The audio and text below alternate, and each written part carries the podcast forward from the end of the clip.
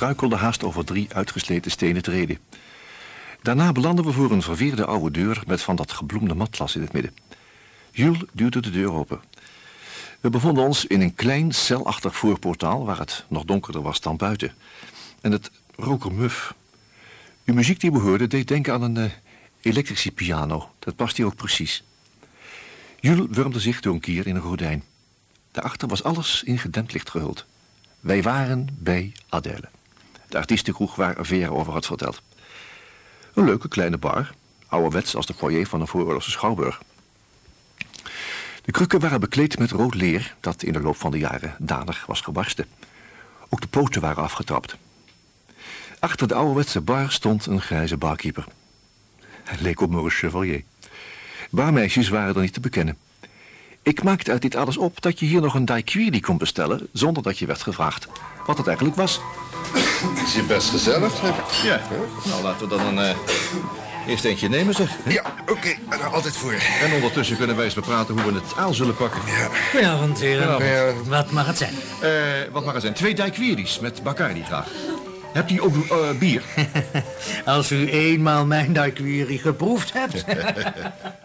we namen een slok en toen draaide ik me om. Kleine nissen, de banken met rood pluche bekleed en alle wanden hingen vol met foto's.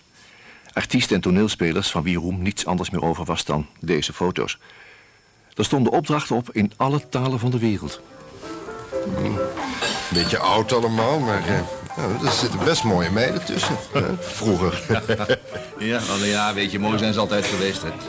Alleen hult de haute couture ze tegenwoordig in opwindende doeken... en vinden ze zichzelf nog mooier. Ja, dan moeten wij ze weer onthullen. Zeg, hey, denk jij erom te schuismarcheren? Dat... Ja, nee, nee, dat mag ik zeggen, want ik ben nog steeds een beetje ouder dan jij. Proost. Ja, proost. Zo. Zo, ah, dat is lekker. Ah. Eh, zeg, zie jij hier iets wat uh, op een oude bazin lijkt? Nee, maar dat smul, dat maar spul dat smaakt verdomd goed, hè? Wat, wat zou jij ervan zeggen als... Als jij de volgende bestelde. Jij mag nooit meer raaien, Hans. Jules bestelde nog een daiquiri. Ik besloot, ondanks alles, niet uit het oog te verliezen waarom we hier gekomen waren. Ik dronk mijn glas leeg en draaide me toen in de richting van de barkeeper. Kan ik nog iets voor u doen, heren? Nou, uh, na al het werk mag je dus uh, voor jezelf ook eentje inschenken, zeg. Weet je, mijn neef is vandaag voor een examen geslaagd, hè? Ja, zoiets doet een oom deuk. Dat begrijp ik, ja. ja. Nou ja, van die neef is natuurlijk onzin. We werken allebei een beetje bij de film.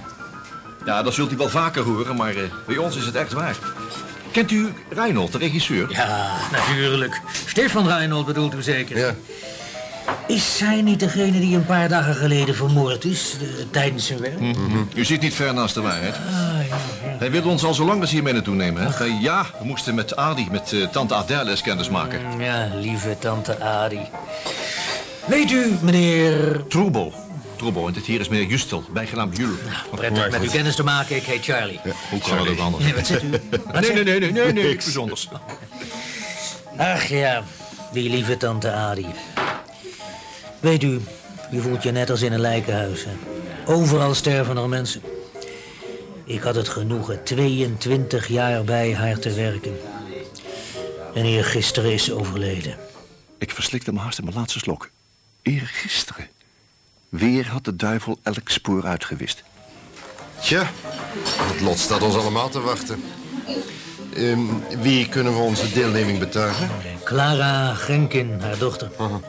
Ze heeft al een half jaar de leiding van de zaak op zich genomen. Ah ja. Uh, denkt u dat we er hier vandaag nog zullen zien? Nee, nee, ik denk niet dat ze naar beneden komt. U zult wel begrijpen dat in deze omstandigheden... Dat konden wij uh, heel goed. Maar Clara komt toch naar beneden. Weliswaar om een heel andere reden dan wij hadden verwacht. Het gordijn dat voor de voordeur hing zwaaide opzij. Een grote zware knaap schoof door de opening naar binnen.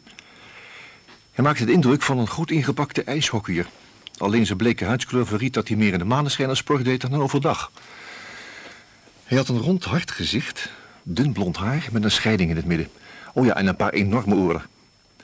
Ondanks alles verbaasde ik me er minder over hem als wel wat er achter hem aankwam. Want ik geloofde mijn eigen ogen niet. Het was een meisje met golvend haar. Was het meisje dat Stefan Reinhold in zijn leven had gezien. Het laatste meisje. En wel in de proefopname die hem werd getoond op het moment dat hij stierf. Ik had ze wel uh, onbehoorlijk lang aangestaard. Ze ging op een van de krukken zitten zonder ons een blik waardig te keuren. Bij haar plaats deed die grote kerel het des te meer. Ook Jules had waarschijnlijk zijn ogen niet van de dame af kunnen houden. De ijshockeyer boog zich naar voren. Zijn stem kwam diep uit zijn borstkas. Als u genoeg hebt gezien, kan u weer voor u kijken. Charlie, twee whisky. De dijkweerders hadden hem overmoedig gemaakt. Gapen. Oh, neem me niet kwalijk. Uh, het zal echt niet meer gebeuren. Nee, het komt alleen maar omdat ik de dame ken. Neemt u me niet kwalijk. Laat ons beheersje. Het meisje draaide langzaam de hoofd om. En ze keek zoals een eerste verkoper bij Rolls-Royce een man bekijkt die in zijn onderbroek de zaak binnenkomt. De dikzak legde zijn sigaar in de asbak. Hij kwam even langzaam van zijn kruk af als hij erop was gaan zitten. Ken jij hem? Niet dat ik weet. Fantastisch. Net als in een scenario. Jules voerde geen vin. En Charlie de bakkeeper keek alsof hij bang was voor moeilijkheden. Ik legde alle beschikbare ongedwongenheid in mijn woorden.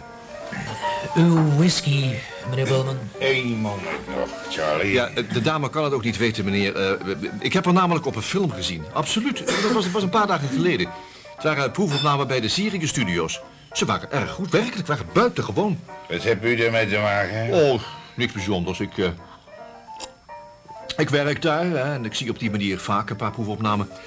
Hebt u al bericht gekregen, juffrouw? Nee, tot nu toe nog helemaal niets. Uh, meneer Bowman, uw whisky, alstublieft. Charlie scheen op de een of andere manier ergens bang voor te zijn. Dat was overigens zijn goed recht.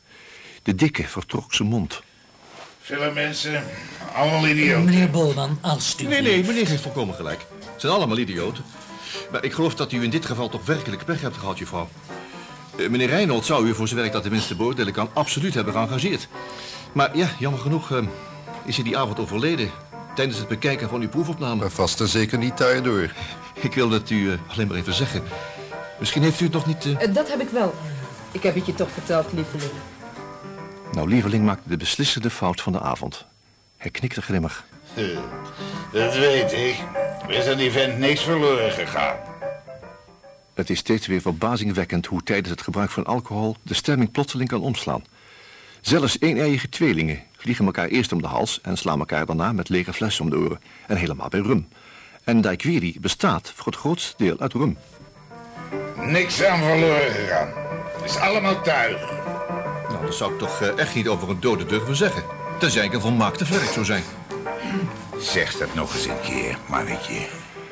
Het was weer net als in een draaiboek. Hij was vast vaak naar de bioscoop geweest en had mijn films natuurlijk gezien. Hij ging voor me staan en greep me bij de revers. Ik moest wel van mijn kruk afkomen. Haalde diep adem om me van de repliek te dienen, maar het was niet nodig. Een schouder schoof zich tussen mij en de ijshockeyer, Jules, met een verblindende toneelglimlach. Ik zie het niet graag als iemand mijn oude oom zo vastpakt. En helemaal niet als hij gelijk heeft. U bent werkelijk een vlerk. En wat voor een. En ik stond in het schootsveld. Een ogenblik, ventje. De knuisten die mijn revers als een reuze veiligheidsspeld in hun greep hadden verlieten los. Ik kon weer vrij ademen. Even daarna maakte de grote meneer Bolman weer een vuist en sloeg. Ik voelde de luchtstroom langs mijn gezicht. Achter mijn hoofd hoorde ik een gekraak. Ik drukte me plat tegen de bar en draaide me om. Jules stond overeind. Ergens had hij de stoot opgevangen, maar niet op de bedoelde plaats. Met een weinig gedraaid bovenlichaam tuimelde hij een paar stappen naar achteren... totdat hij weer recht op zijn benen stond. Het was de vraag of hij de volgende stoot net zo zou verwerken. Ik hoopte en hoor van ganse harte. Hij kwam weer terug, rechtop, de armen langs zijn lichaam. Zijn das was afgezakt en van zijn overhemd was een knoop afgerukt. Maar verder scheen alles in orde. Alleen zijn glimlach, die was verdwenen. Bolman grijnsde en likte zijn lippen. Zijn diva had zich in de verste hoek van de bar teruggetrokken. Nou, nou ventje, nog iets voor je dienst? Deze keer haalde Bolman verder uit. Zijn techniek was dezelfde, evenals zijn vuist. Alleen Jules, die was veranderd. Hij maakte zich bliksemsnel de helft kleiner door door zijn knieën te zakken. En daarbij draaide hij zijn bovenlichaam iets naar rechts. De arm van de reus schoot als een stormram naar voren en trof alleen maar lucht. Bolman probeerde zich door deze misser in balans te houden. Eén ogenblik stond hij doodstil als het standbeeld van een discuswerper. Maar dat was net iets te lang. Jules keerde zich bliksemsnel om. Zijn rechtervuist knalde in de maag van de kakpatser midden op de whisky. Het klonk alsof er een steen van twee hoog in een emmer met jam viel. Ja, van schrik greep ik zelf naar mijn maag. De vale kleur van meneer Bolman werd nog valer. Hij snakte naar adem. De whisky scheen via zijn slokdarm omhoog te komen. En toen kwam Jules weer, maar nu met zijn linkervuist. Met een enorme dreun belandde de onderkaak van de ander weer tegen zijn bovenkaak aan. Precies zoals in een draaiboek. Nee, nee, het zag er niet zo best uit hoor, van meneer Bolman. Zijn vriendin scheen dat ook te voelen. Lieveling, houd toch op! Maar lieveling was niet meer te stuiten. Hij sloeg blindelings om zich heen, maar waar hij ook sloeg, geen Jules. Hij veegde alleen onze glazen voor de bar, zoals het in de slapstick gebruikelijk is. Toen trof Jules rechtse direct en met volle kracht onder zijn kin. Ook zijn gestreept double-blasted jasje kon hem niet meer overeind houden. Hij viel achterover, sleepte drie barkrukken met een enorm glaas met zich mee en was direct in Dromeland. De film die waar gilde. En Charlie de barkeeper nam de huistelefoon die aan de muur hing en mompelde er opgewonden een paar woorden in. Jules keek me een beetje, beetje hulpeloos aan. Hij streek door zijn haar, trok zijn das recht en stak een sigaret op. Ik schudde mijn hoofd. Dat was niet zo best. Dat jij je niet schaamt. hè? Ja, en dat net terwijl ik met hem wilde afrekenen. Kom, laat hem even optillen. Ja, dat, dat doe je maar alleen. Ik stik geen vinger meer naar hem uit. Ik ruimde de barkrukken op en zette meneer Bolman overeind. Het meisje nam geen deel aan de reddingsoperatie. Nee, nee, voor haar was hij dood. Kennelijk wilde ze zich nu liever bij Jules aansluiten. Toen ik me oprichtte om eh, Charlie wat ijswater te vragen... werd een smalle deur direct naast de bar opengerukt. De dame die in de deuropening verscheen vulde de hele ruimte. Ze had een poppengezicht met, met lekkere bolle wangen en, en pretogen... waarin nu een boze en begrimmige blik lag. Ze kwam uit de deuropening naar voren... en nu pas lukte het haar de handen in de zij te zetten... terwijl ze tegen me begon te schreeuwen. Wat betekent dat hier allemaal? Het is niet de schuld van deze meneer, mevrouw. Het was Bolman weer. De bazin kwam achter de bar vandaan en zag het slachtoffer. Hij deed net zijn ogen open. Ja, als ik in zijn positie had verkeerd, had ik ze meteen weer dicht gedaan. Hoor. Natuurlijk, meneer Bolman weer. Ze liep helemaal rood aan. Meneer de stamgast.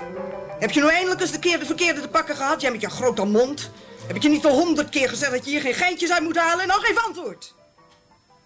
Hij gaf geen antwoord. Ondanks haar omvang was ze zeer behendig. Ze bukte zich en trakteerde hem op twee knallende oorvijgen. Het was een slechte dag voor meneer Bolman. Het volgende moment stond ze voor mij. Ik deed mijn ogen dicht en eh, ik wachtte op de klappen. Maar in plaats daarvan voelde ik hoe mijn hand gegrepen werd en geschud. Mijn schoudergewricht kraakte. Hartelijk dank, meneer, dat u hem van katoen hebt gegeven. Oh, dat was eh, niet ik, maar hij, eh, mevrouw. Oh, niet de moeite waard. Ze bekeek hem met waardering.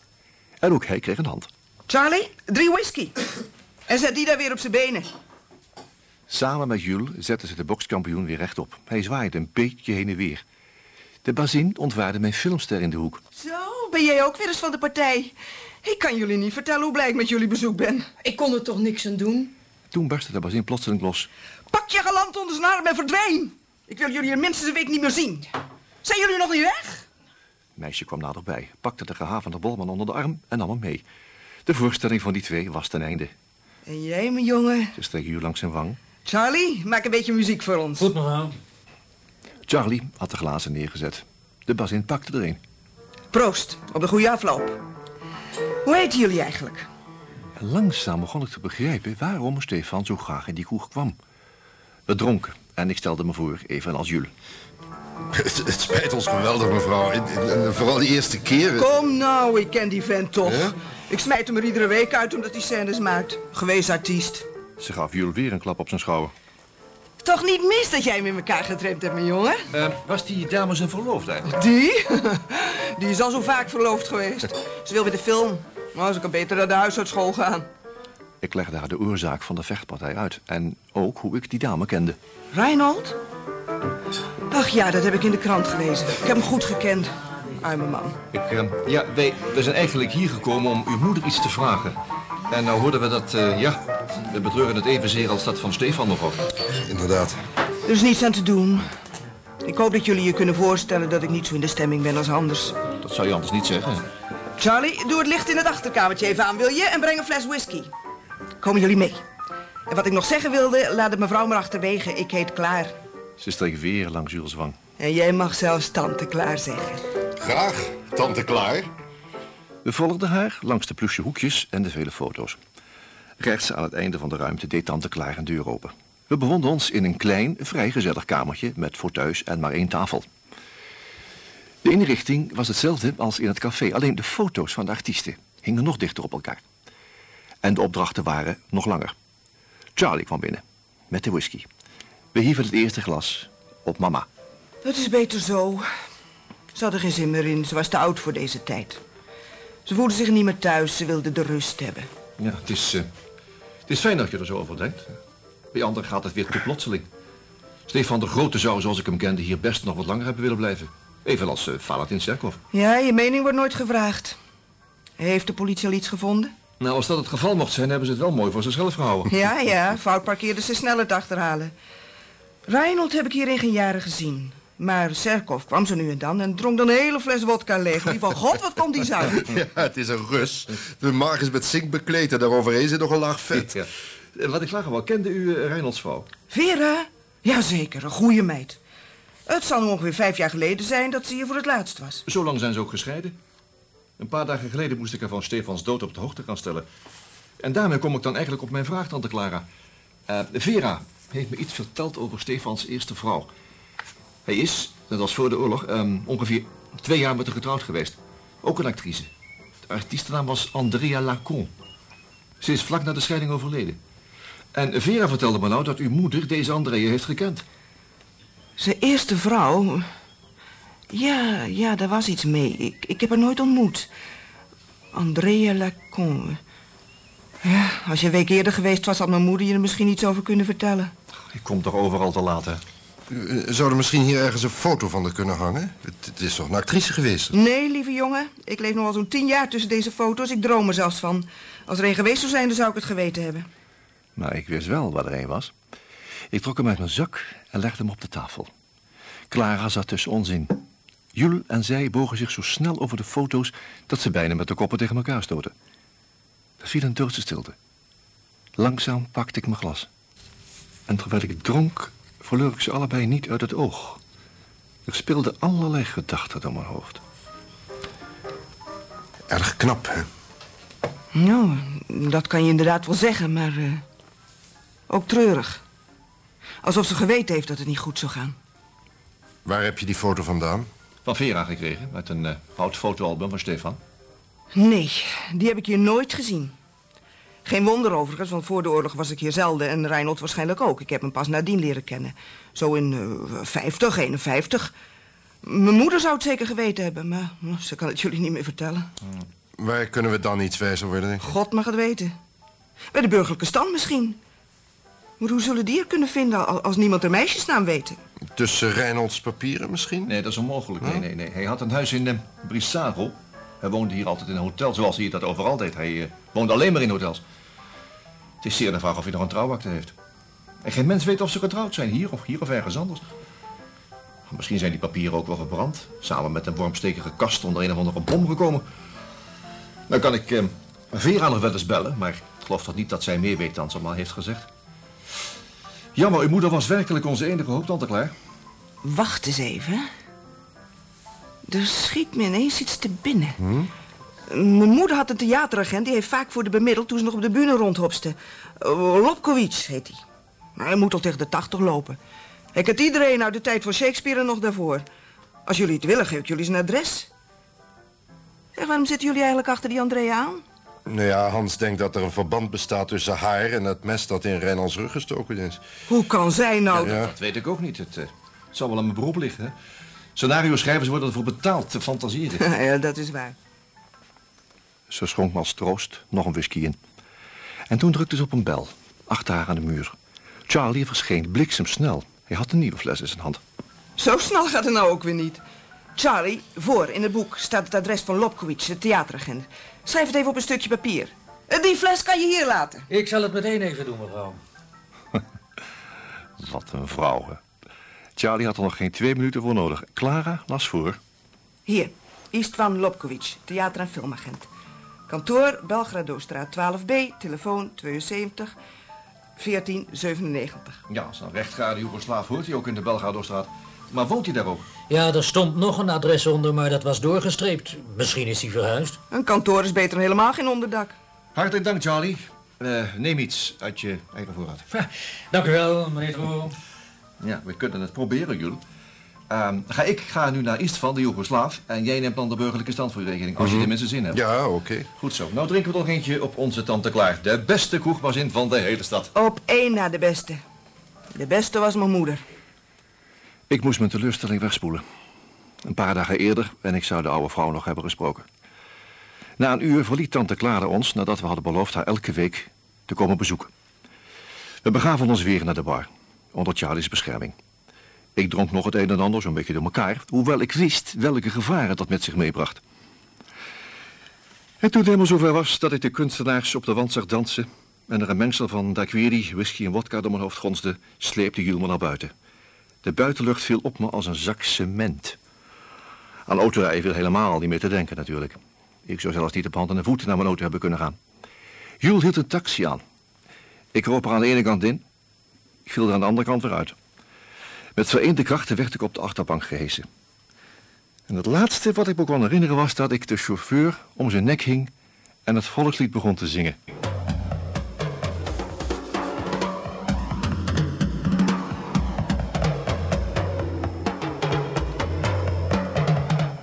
Uit de verte hoorde ik een stem die mijn naam riep. Dat was zonder twijfel een aartsengel die me uitnodigde voor de zitting van het jongste gericht. Ik wilde mijn ogen openen om hem te zien, maar de een of ander had de oogleden aan elkaar genaaid. Eindelijk speelde ik het toch klaar. De aartsengel droeg een elegante trenchcoat, zijn ogen fonkelden en zijn gezicht zat vol sproeten. Hij heette Els en was afkomstig uit Friesland. Zo, zo, Hans Troebo. Achter een spoor aan, in een artiestenkroeg. En dat allemaal voor mijn vriend Stefan Reinold. Ja, ja, heb jij dan geen enkel schaamtegevoel meer? Weet je eigenlijk wel hoe je hier gekomen bent? Nee. Als Jules je niet geholpen had, had je nu in de goot gelegen. Je was dronken, stom dronken. Oh, dat is een schande. Wil je je pakking zien? Dat kan je wel weggooien. Zo'n duur pak. Hier, hier, bekijk jezelf maar eens. Vooruit kijken. Hm? Met een spiegel voor mijn neus. En ik zag de kop van een varken dat juist een kalf ter wereld had gebracht. Ik probeerde me op te richten, maar mijn hoofd leek wel vastgespijkerd. Ja, nou nog kreunen ook. Weet je wat jij bent? Een zatladder. Eh, hoe laat is het? Half acht. Ik ga naar mijn werk. Wat mij betreft kan je doodvallen. Waarom heb je me niet in mijn slaap laten doodgaan? Dat zou ik ook gedaan hebben als meneer Kiersbaum niet opgebeld had. De begrafenis van meneer Reinold is om twaalf uur. Nou, Ze kunnen mij beter begraven. Je zal een mooie indruk maken. Joe was zo nuchter als wat. En jij, joh. Ik draaide mijn varkenshoofd opzij. Op het nachtkastje stond een citroensap met blokjes ijs. En daarnaast lagen vier hoofdpijntabletten. Zo snel zou ik klaarblijkelijk toch niet doodgaan. Dat is alleen vanwege die begrafenis. Oh, ja, je bent een engel. Laat me met rust, ik moet weg. Die eh, begrafenis ontbrak er nog aan. Hangt mijn zwarte das nog in de kast? Wil je er werkelijk zo heen gaan? Wat hebben jullie toch in die kroeg gedaan? Zuurstokken gegeten. Er waren vast weer meisjes Ja, bij. hele balletgroep. En ook nog een meisjesklas. Vanavond vertel ik je alles. Je pak hangt schoon in de badkamer. Maar na de begrafenis geen slok, want Ik anders... zweer het. Wees alsjeblieft voorzichtig. Ze vertrok. Ik viel achterover en ik wachtte tot de tabletten begonnen te werken. En toen ik dat voelde, stond ik op, nam een heet bad, schoor me zorgvuldig en zette een pot sterke koffie. Daarna had ik een pot rolmopsen. Het pak was onberispelijk. Mijn kop zag er wel slecht uit, maar voor een rouwplechtigheid had hij precies de juiste kleur. Ik ging lopen, want mijn wagen stond hopelijk nog om de hoek bij tante Clara. De frisse lucht deed me goed. Om half twaalf liep ik door de poort van het Zuiderkerkhof. En de eerste die ik zag was Nathan Kirschbaum, onze vereerde producer. Hij zat alleen, op een bank, droefgeestig als een treurwillig. Ik ging zachtjes naast hem zitten. Oh. Hallo. Hans. Ja. Zeg, eh, bedankt voor je telefoontje. Wat is er eigenlijk met Zijkhoff gebeurd? Sjerkov. Wordt naar zijn woonplaats overgebracht. Zeg, Nathan, eh, heb jij de eerste vrouw van Stefan gekend? Stefan zijn eerste vrouw? Die bestaat niet. Jazeker. Jazeker. Vera heeft het me verteld. Vera? Hè? Ach, wel nee, daar heb ik nooit iets over gehoord. Ik ken alleen Vera. Hoe moet ik nou weten hoe vaak hij getrouwd is geweest? Nou, ik dacht alleen omdat jij eh, altijd alles weet. Ah, je bent me sjoggen. Ken je dan een zekere Lobkowitz? Wie? Ist van Lobkowitz. Oh, nee. Moet een of andere theateragent zijn. oh. ja, het is een oude slemiel. Die doet niet veel meer. Wat is er met hem? Of, niks bijzonders. Nee. Ik heb zijn naam toevallig laatst eens ergens gehoord. Lobkowitz. hè? Ja. Is minstens, eh, minstens 80 jaar. Ja, vroeger. eh, Ik moest er opeens aan denken hoe vaak Stefan een scène op een kerkhof had gedraaid. Hij was nu nog steeds de persoon waar alles om draaide. Ze waren er allemaal, de hele ploeg. Alsof ze volgens zijn aanwijzingen moesten werken. Maar dan voor de laatste keer. Toen alles voorbij was, liepen we langzaam, zonder een woord te zeggen, tussen de ravendeur naar de uitgang. Ik ontdekte Jules tussen een groepje mensen, een eindje verderop. Ik sprak hem pas toen we weer buiten stonden.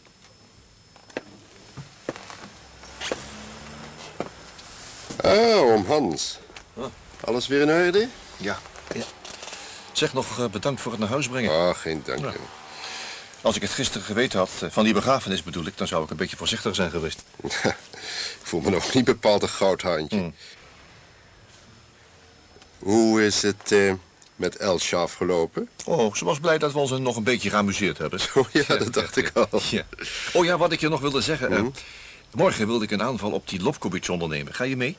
Eh, nee, morgen kan ik niet. Ik moet tekst inspreken. Overmorgen. Goed? Oh, nou ja, anders doe ik het wel alleen. Waarschijnlijk komt er evenveel uit als tot nu toe. Ik, eh, ik wil je wel even. Oké. Ja.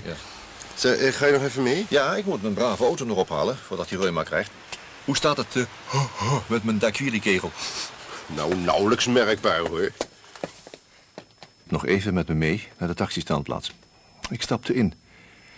En even leek het alsof hij me nog iets wilde zeggen, maar hij deed het niet. De taxi reed weg. Bij de Rijnastraat stapte ik uit. Het was eventjes voor twee toen ik voor Clara's kroegje stond. Bij daglicht, zonder neonreclame, zag het er allemaal braaf en heel netjes uit. Ik liep de hoek om en zag mijn auto daar moederziel alleen staan. De motor kraakte een beetje voordat hij aansloeg. Toen gaf ik gas. Maar ik ging niet de kant op van mijn flat. Ik reed naar de Belgradostraat, naar Lobkowitz. Hoewel het nog geen morgen was.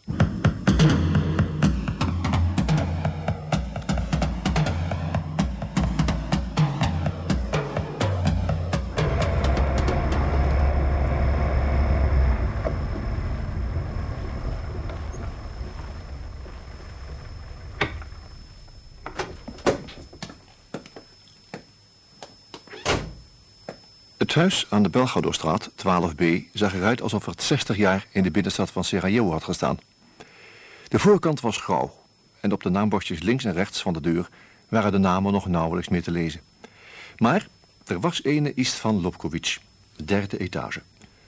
Een minuut later stond ik voor zijn deur. En die deur zag er zo krakkemikkig uit alsof hij elke minuut in elkaar kon storten. Was geen bel te bekennen. Ik klopte voorzichtig om het hout niet te verbrijzelen. Binnen? De dame die me ontving zag eruit als een onderwijzeres vlak voor haar pensioen. Ze zat op een draagstoel achter een bureau dat onder de inkvlekken zat. En zo oud was dat het bijna in elkaar stortte. De rechterwand ging schuil onder een enorme hoeveelheid archiefkasten. Links leidde een half openstaande deur naar een tweede kamer. Ik maakte een kleine plechtige buiging zoals ik dat aan mijn begrafenispak verplicht was. Wat kan ik voor u doen?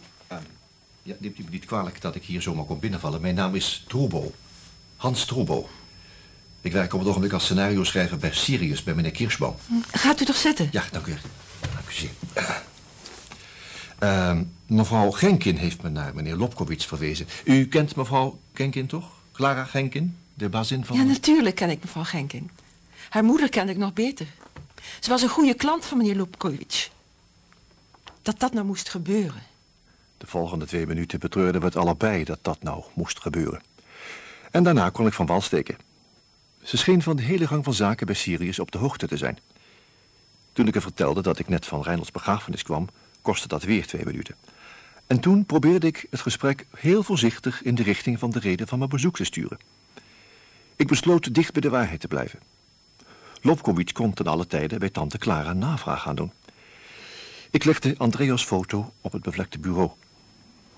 Wat moet ik daarmee? Ja, kijk, ik eh, had namelijk zo gedacht. dat het de politie misschien een beetje zou helpen... als we Reinolds eerste vrouw zouden kunnen achterhalen. Eh, ze moet voor de oorlog in een paar films hebben gespeeld. Ze heette Andrea Lacon. Andrea Lacon, ja. Achter de ware naam ben ik tot nu toe niet gekomen. Adèle Genkin zou het zeker geweten hebben, maar ja... dat- Jammer genoeg. Jammer genoeg, ja. En nu heeft haar dochter me naar meneer Lopkowitz verwezen. U bent mijn laatste hoop, juffrouw. eh Woudstra. juffrouw eh, prettig met u kennis te maken. Andrea Lacon. Ach, weet u, in dertig jaar leer je zoveel mensen kennen. De meeste namen weet ik nog wel. Maar allemaal, je vergeet er altijd wel een paar. Ik begreep wat ze bedoelde. Met mijn vriendinnen ging het net zo. Ik zei dat alleen maar niet om juffrouw Woudstra niet te choqueren. Ik geloof niet dat ik deze naam in ons archief zou kunnen vinden. Wie weet of ze überhaupt ooit bij ons is geweest. En bovendien heb ik hier alleen de namen van de mensen met wie we na de oorlog te maken hebben gehad. Een enkele uitgezonderd. Maar verder zou ik niet weten. Ik deed een schietgebedje dat Andrea Lacon een uitzondering zou mogen zijn. Juffrouw Woudstra had al de kracht nodig om de la met het kaartje L-A-L-O-R uit de kast te trekken. Ik wilde er net de helpende hand bieden toen naast mij de telefoon rinkelde. Ze wierp me een eh, om vergeving vragende blik toe, liet de la los en liep terug naar de tafel. Goedemiddag, met agentschap Lopkowicz. Met juffrouw Woudstra. Ik hoorde de tamelijk verzorgde stem van een man. Kennelijk een acteur. Ik staarde ogenschijnlijk wat verveeld naar de vloer, maar ik had mijn oren gespitst.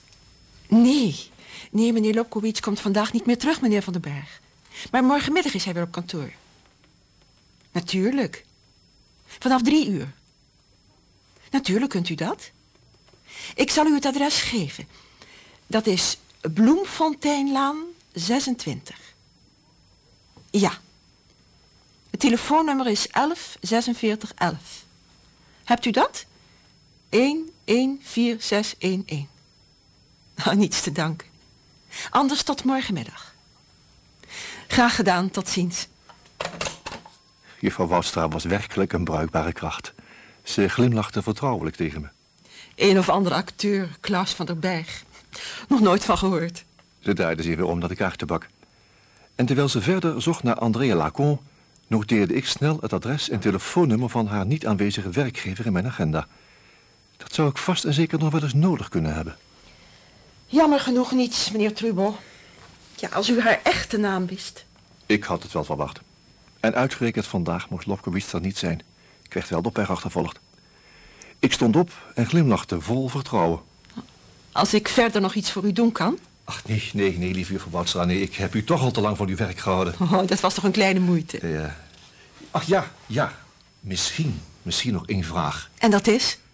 Denkt u dat meneer Lopkowitz iets over deze dame weet? Absoluut. Hij heeft een geweldig geheugen wat namen van artiesten betreft. Hij onthoudt ze bijna allemaal. Bovendien heeft hij thuis nog oude archiefkaarten. Ook van mensen die al lang dood zijn. Ter herinnering, weet u. Ja, ja. Hij hangt zo aan vroeger. Ja, dat is met mij precies hetzelfde, ja. Vroeger was alles zo heel anders, ja. Eh, gelooft u dat het zin heeft als ik eh, morgen nog even langskom? Want ik hoorde u namelijk door de telefoon zeggen dat hij er om drie uur zou zijn. Oh, natuurlijk kunt u komen. Ik kan hem ook 's morgens al bellen en hem vragen. Misschien heeft hij de kaart thuis. Komt u in ieder geval langs. Ik ben u eeuwig dankbaar, juffrouw Woudstra. Eh, Tot morgenmiddag dan. Tot morgenmiddag, meneer Trubo. Terwijl ik de trap afliep, overdacht ik of ik nu nog naar meneer Lopkowitz zou gaan. Nee, ik was eigenlijk veel te moe. De alcoholresten, de begrafenislucht in de kapel, de operatie juffrouw Woudstra en mijn leeftijd speelden mij parten. Ik verlangde naar een goede maaltijd in een Chinees restaurant en daarna naar de horizontale positie. Het was half zeven toen ik thuis kwam. Els had zich verontschuldigd, ze had dienst. Het eerst verloste ik me van mijn stijve boord en nam toen een heerlijk bad. Daarna ging ik met een flesje bier achter mijn bureau zitten. Ik dacht aan Stefan, die alles achter de rug had. Aan het krakkemikkige bureau, in dat krakkemikkige huis in de Belgadostraat. En ik dacht aan die meneer van der Berg die daar opgebeld had. De telefoon glansde me tegen. Ik nam een flinke teug, trok hem naar me toe en draaide het nummer dat ik die middag had opgeschreven. Lopkowitz. 1, 1, 4, 6, 1, 1.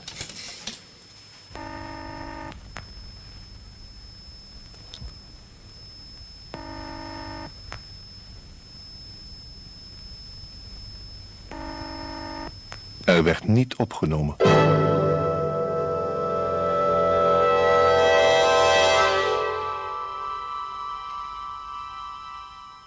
Het pak wat ik de volgende dag aan had was iets gemakkelijker, maar dat bracht toch geen wezenlijke verbetering in mijn stemming.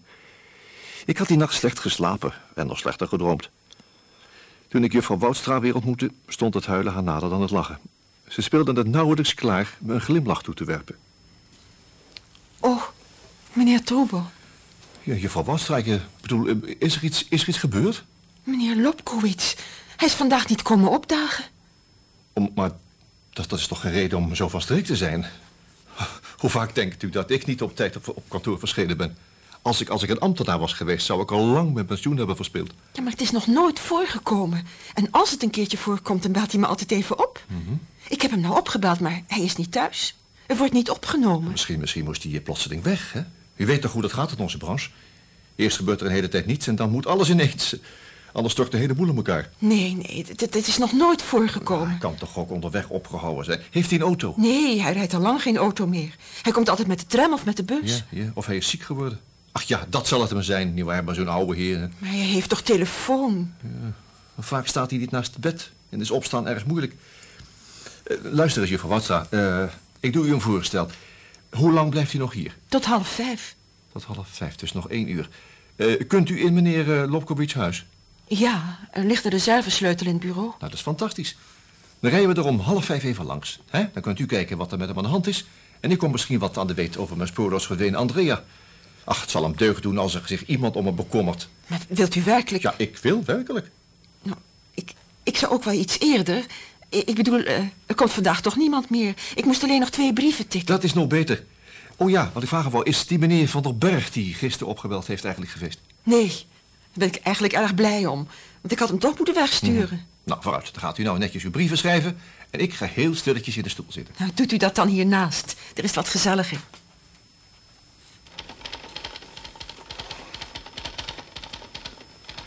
Het getik uit de aangrenzende kamer duurde niet lang. Ineens stond juffrouw Woustra met mantel en al voor me. Ik ben klaar, meneer Troebo. We konden het beginnende spitsuur net nog omzeilen. Juffrouw Woudstra wees me de weg naar de Bloemfonteinlaan. Mijn handen aan het stuur werden vochtiger naarmate wij nummer 26 naderden. Lobkowicz had een leuk huis. Het agentschap scheen meer opgewacht te hebben dan het zich had laten aanzien. De huizen stonden ver uit elkaar. En niemand trok zich iets van ons aan toen de secretaris op een bel drukte. Er werd niet opengedaan. Ze belde nog een keer. Er gebeurde nog minder dan in de laatste Sirius-film, namelijk helemaal niets. Juffrouw Woudstra pakte de sleutel en maakte voorzichtig de deur open. Er gebeurde niets. Het was doodstil in het huis. Ik hoor niets. Hij is er niet. Nou, vooruit. Hè? Wie een sleutel heeft, pleegt geen inbraak. Wilt u werkelijk... Ik deed eh, tamelijk flink om mannelijk zelfvertrouwen uit te stralen... en haar daardoor een beetje meer moed te geven. Maar van binnen was ik eh, niet zo flink. We stonden in een ruime hal.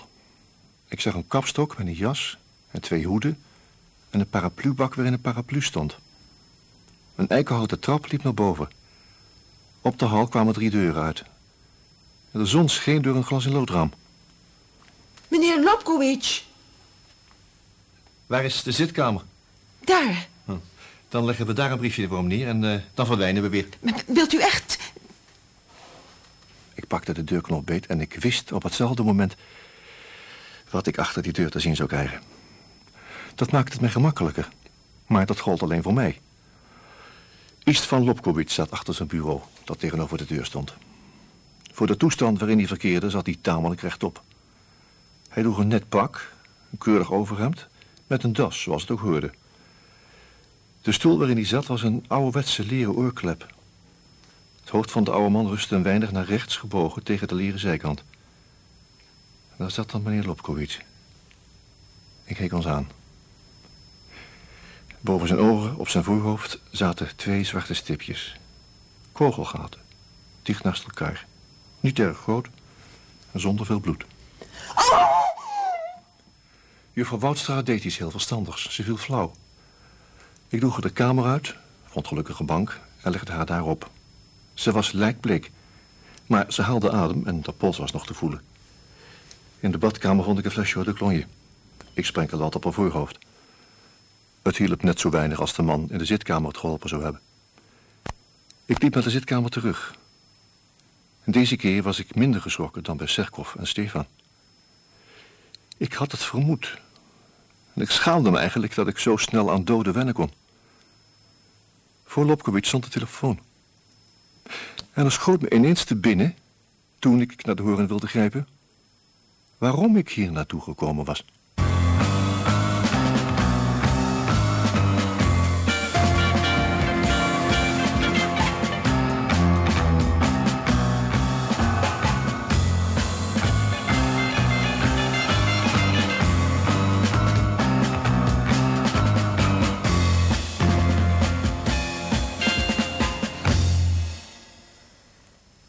Zitten en sterf. Dit was het vierde deel van een hoorspel naar de roman van Hans Krul, bewerkt door Hans-Georg Bertolt in een vertaling van Justine van Maren.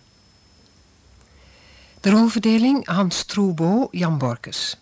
Thomas Justel, Tom van Beek. Charlie, een barkeeper, Donald de Marcas. Bolman, een vechtersbaas, Peter Arians. Zijn vriendin, Peggy Kropmans. Tante Clara, de kroegbazin, Ida Andrea. Nathan Kirschbaum, Paul Deen. Els, Bea Meulman. En juffrouw Woudstra, een oude secretaresse, Jeanne Verstraten. Technische realisatie Fred de Beer en Leon Dubois. Regie Klaus Meerlender.